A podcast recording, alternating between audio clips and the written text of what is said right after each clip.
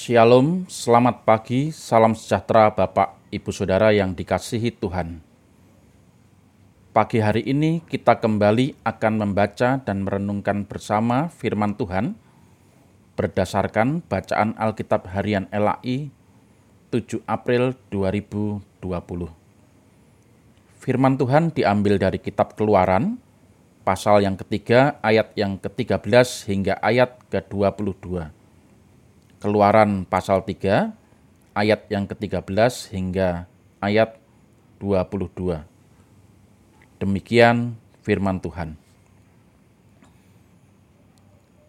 Lalu Musa berkata kepada Allah, "Tetapi apabila aku mendapatkan orang Israel dan berkata kepada mereka, Allah nenek moyangmu telah mengutus aku kepadamu, dan mereka bertanya kepadaku, Bagaimana tentang namanya?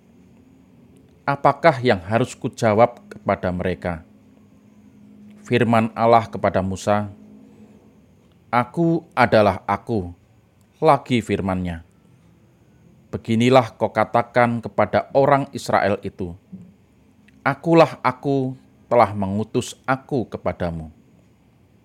Selanjutnya, berfirmanlah Allah kepada Musa, Beginilah kau katakan kepada orang Israel, Tuhan, Allah nenek moyangmu, Allah Abraham, Allah Ishak, dan Allah Yakub telah mengutus aku kepadamu. Itulah namaku untuk selama-lamanya, dan itulah sebutanku turun-temurun. Pergilah, kumpulkanlah para tua-tua Israel, dan katakanlah kepada mereka, Tuhan, Allah nenek moyangmu, Allah Abraham, Ishak, dan Yakub telah menampakkan diri kepadaku serta berfirman, Aku sudah mengindahkan kamu, juga apa yang dilakukan kepadamu di Mesir. Jadi aku telah berfirman, Aku akan menuntun kamu keluar dari kesengsaraan di Mesir menuju ke negeri orang Kanaan, orang Het, orang Amori, orang Feris, orang Hewi, dan orang Yebus, ke suatu negeri yang berlimpah-limpah susu dan madunya. Dan bila mana mereka mendengarkan perkataanmu, maka engkau harus beserta para tua-tua Israel pergi kepada Raja Mesir, dan kamu harus berkata kepadanya, Tuhan, Allah orang Ibrani telah menemui kami.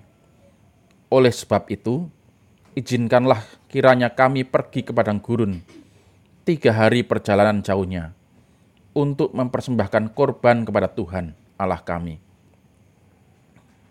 Tetapi aku tahu bahwa Raja Mesir tidak akan membiarkan kamu pergi kecuali dipaksa oleh tangan yang kuat. Tetapi aku akan mengacungkan tanganku dan memukul Mesir dengan segala perbuatan yang ajaib yang akan kulakukan di tengah-tengahnya. Sesudah itu, ia akan membiarkan kamu pergi.